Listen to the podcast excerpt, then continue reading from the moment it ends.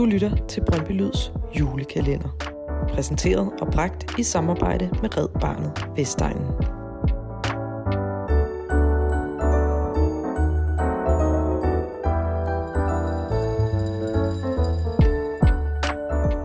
Frivillighed, fællesskab, samarbejde og den der helt særlige Brøndbyånd, der hersker på Vestegnen. Det er noget af det, der kendetegner det bånd, vi har til hinanden. Og det er noget af det, vi måske skal bruge december på at minde hinanden om. Især i en tid, hvor der er rigtig mange ting, der minder os alle sammen om det modsatte. Rigtig glædelig blågul jul.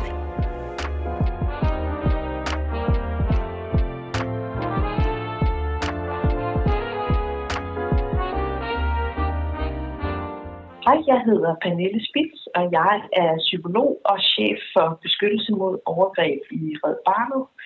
Øh, I Team Beskyttelse mod overgreb i Red Barnet, der har vi forskellige øh, indsatser, der har fokus på øh, at forebygge vold og overgreb mod børn i Danmark. Jeg er, øh, jeg er uddannet psykolog og har øh, i over 20 år efterhånden arbejdet særligt med området øh, børn, der har været udsat for seksuelle overgreb, og børn, der har været udsat for vold. Jeg har arbejdet mange år i det offentlige system og været, været leder af børn hos hovedstaden, og øh, i knap halvandet år har jeg så været her i Red Barnet. Red Barnets øh, sekretariat er jo inddelt i forskellige programområder, og mit programområde det er så det, der hedder beskyttelse mod overgreb, og det handler om fysisk vold og psykisk vold og seksuelle overgreb mod børn.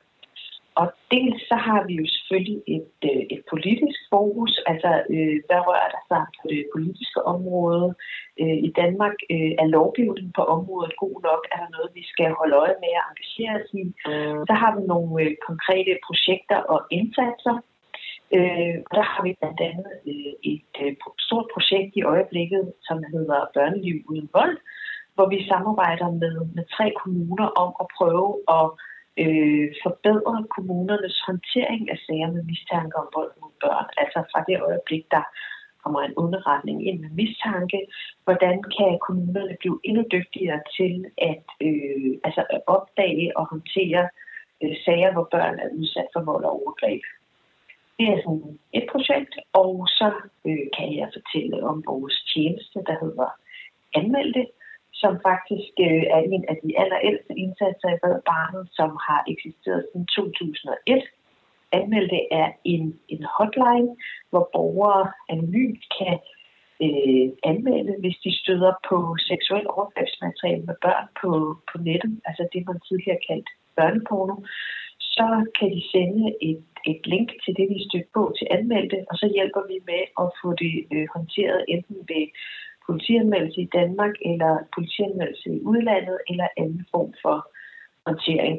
Altså det er helt klart, at internettet har øh, givet en ny arena, øh, hvor, hvor overgreb mod børn kan udbrede sig på, desværre. Og det er jo noget af det, vi øh, ser meget tydeligt hos, hos anmeldte, når vi, når vi følger data over de seneste 20 år, øh, så er det tydeligt, at der er mere og mere overgrebsmateriale på nettet, at det hele tiden ændrer karakter.